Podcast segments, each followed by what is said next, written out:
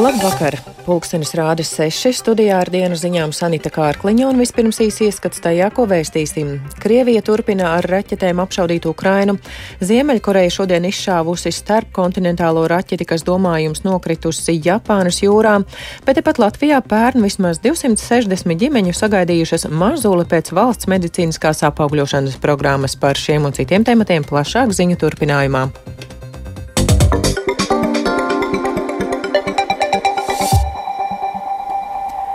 Krievija šodien kārtējo reizi ar raķetēm apšaudījusi Ukrainas teritoriju, tikmēr frontē Ukrainas austrumos cīņas pastiprinās. Ukraina ir arī uzmanības centrā Minhenē notiekošajā drošības konferencē, kurā piedalās daudzu valstu augstākās amatpersonas, vai rakstāsta Uldis Ķesberis. Kara 360. diena Ukrainā sākās ar gaisa trauksmi lielā daļā valsts un ar Krievijas raķešu uzbrukumiem. Divas raķetes nokrita Hmeļnīckas pilsētā Ukrainas rietumos. Viena raķete trāpīja militāram objektam, bet otra netālu esošā sabiedriskā transporta pieturā.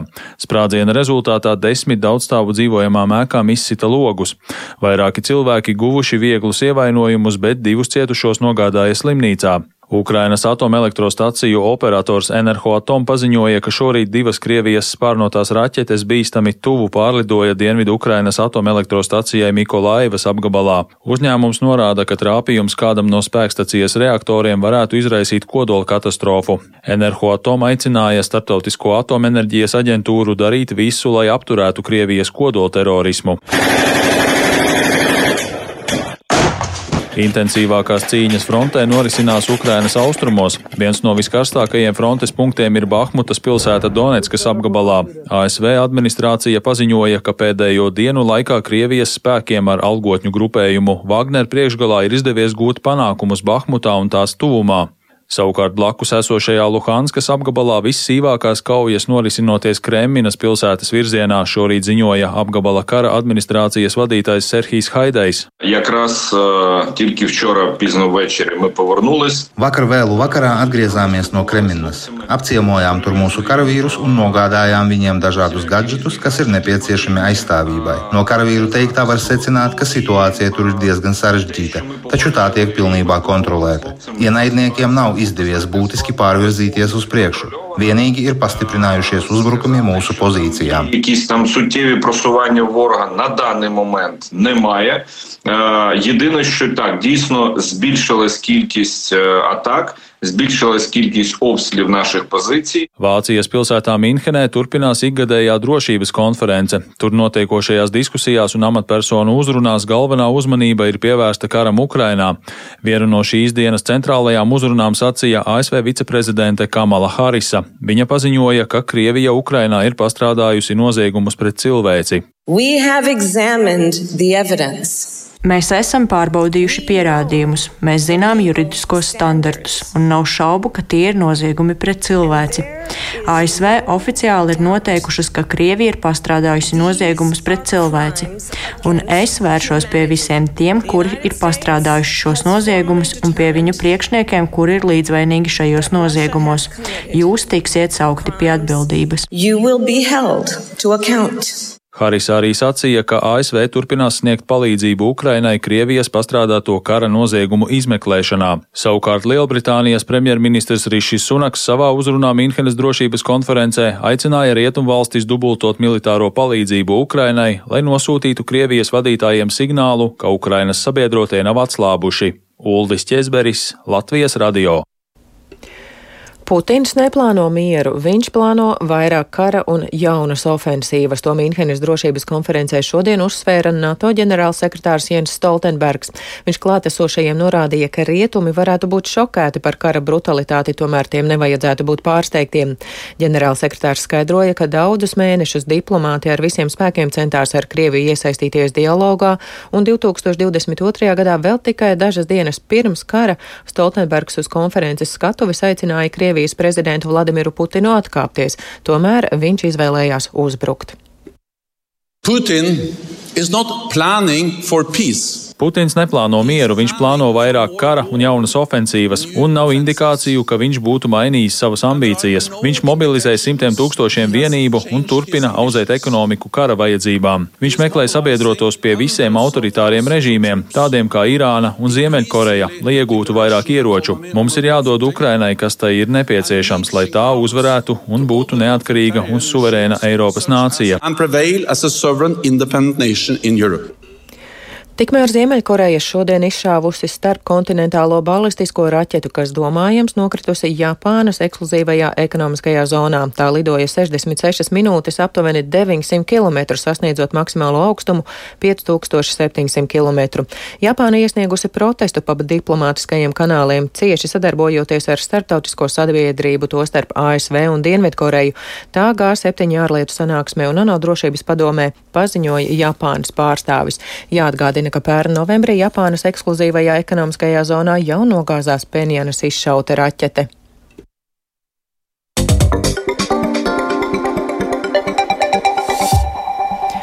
Pagājušo gadu valsts apmaksātas medicīniskās apaugļošanas programmas rezultātā notikušas 260 veiksmīgas dzemdības, tā informē Nacionālās veselības dienests. Taču dzimušo mazuļu skaits varētu būt vēl lielāks, jo statistika neietver informāciju par ārvalstīs notikušām dzemdībām vai arī par maksas dzemdībām. Plašāk Agnijas Lāsdiņas ierakstā. Pagājušajā gadā ir veikti 1024 medicīniskās apaugļošanas pakalpojumi, kas ir par 12% vairāk nekā 2021. gadā.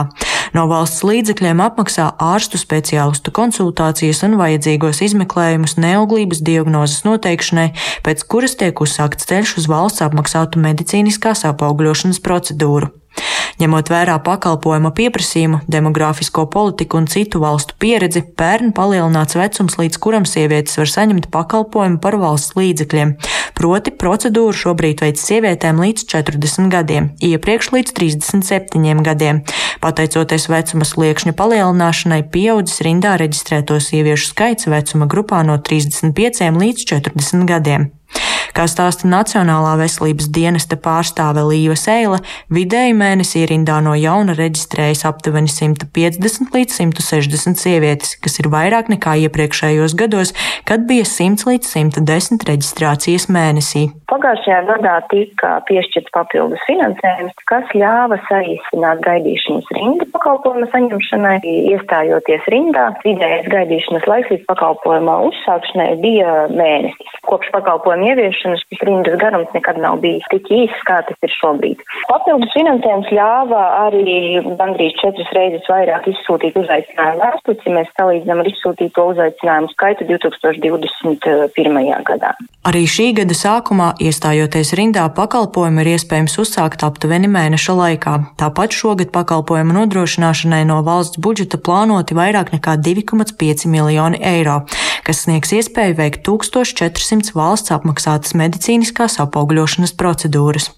Klīnikas EGV ginekoloģa reproduktoloģa doktore Gunta Grīnberga uzsver par bērnu ieņemšanu ir jādomā laikus. Tā tendence jau visās klīnikās vien un tāpat, ka sievietes liekas, ka viņām reproduktīvā veselība būs bezgalīga un viņas bērnus varēs plānot pēc tam, kad viss pārējais jau būs padarīts pēc 40. Tas vidējais cilvēku vecums, dzīvošanas vecums jau, protams, pagarināts, bet tas vecums, kad sieviete var palikt stāvoklī, tas tas nav bezgalīgi. Līdz ar to tie 40 gadi ir tas, nu, patreiz tas tiek uzskatīts, ka tas tā kā tāda robeža, kad um, ar lielāko varbūtību tev būs iespēja, ja ne pašam, tad ar medicīniskās apaugļošanas iespēju palikt stāvoklī un iznēsāt veselu bērnu. Tomēr pacienti ar katru gadu kļūst arvien zinošāki, tostarp apzinās arī to, ka medicīniskā apaugļošana ir tikai varbūtība. Tā stāsta klīnikas embrions vadītājs, ginekologs un vadošais neauglības speciālists dr. Gins Trejs. Pacienti kļūst arvien informētāki. Tas ir pozitīvi. Ja agrāk bija ļoti daudz jāstāsta par tādām absolūti pamatlietām, tad šobrīd pacienti ļoti informēti par to metodu informēti par uh, veselības jautājumiem daudz labāk. Valsts apmaksātas medicīniskās apaugļošanas programma Latvijā ieviesta 2012. gadā. Kā liecina Nacionālā veselības dienesta dati, kopumā ir veiktas gandrīz 7000 apaugļošanas procedūras un gandrīz 2500 dzemdības. Pozitīvas procedūras rezultāts novērojams aptuveni pusē gadījumu. Agnija Lazdiņa, Latvijas radio.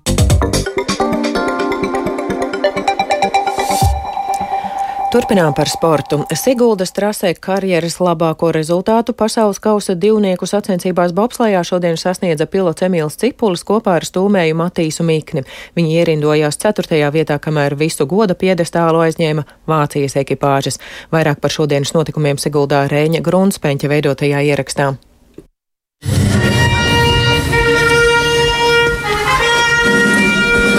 Pirms sacensību sākuma Emīls Cipulis kopā ar stūmējiem Edgars Nemmi, Dāvis Priņģi un Matīsu Mikni svinīgā ceremonijā saņēma pasaules čempionātā Sankt Moricā izcīnītās sudraba medaļas. Uzreiz Šveicē tās netika piešķirtas, jo Latvijas ekipāža bija dalītā otrajā vietā, bet organizatoriem bija tikai viens sudraba medaļu komplekts. Turpinājumā klausāmies fragment no Latvijas Bobsleja un Skeletona federācijas prezidenta Anša Zeltiņa uzrunas. Labdien visiem skeletonu bobsleja faniem, kurus šodien nav nobijušies no Latvijas standarta laika apstākļiem, Līgos svētkos, Ziemassvētkos un arī bobsleja svētkos. Bobslēgs ir, bobslēgs attīstās. Es domāju, ka tas ir pats galvenais. Nu, ko, tagad sākam un gribam redzēt mūsu pasaules vicečempionu šeit priekšā. Edgars Nemē! Matīs Mikls!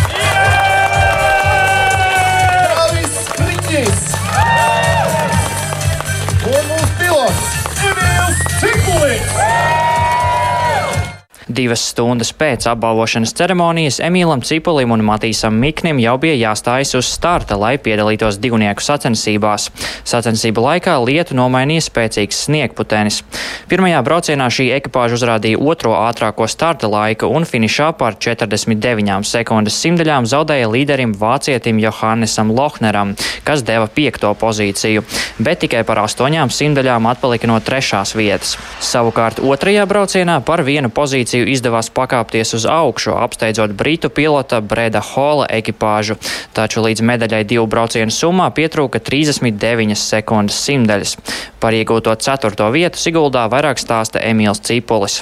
Tā dalīts sajūtas bija, protams, kļūdas braucienos un, uh, un rezervīt paliku uz rītdienu. Varbūt kaut ko pamainīsim tehnikā uz rītdienu, bet uh, skatīsimies. Protams, rezultāts nav slikts. Tā pagaidām izskatās, bet uh, jā, rezerve tāpat ir. Slieču izvēle varbūt priekš šiem laikapstākļiem nebija pareizā uz šodien, bet skatīsimies, rīt pamainīsim. Jā, tie laikapstākļi droši vien uh, ietekmēja visu, visu sacensību gaitu. Jā, protams, arī trases kvalitāte atšķīrās no pirmā uz otro braucienu. Un, uh, bija nu, diezgan grūti izvēlēties, ar kādām sliecēm braukt šodien.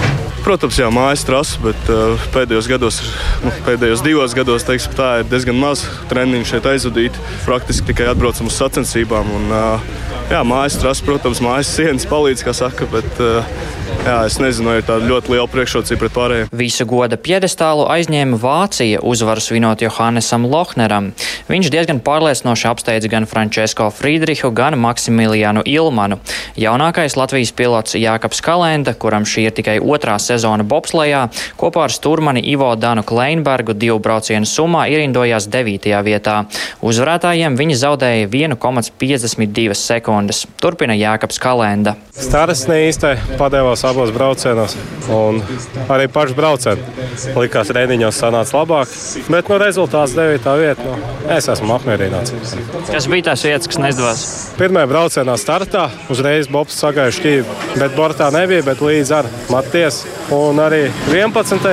virāžā varēja labāk un 13. bet tā kopumā viss pārējais trasē, viss izdevās. Laikapstākļi kā ietekmēja šodienas braukšanu?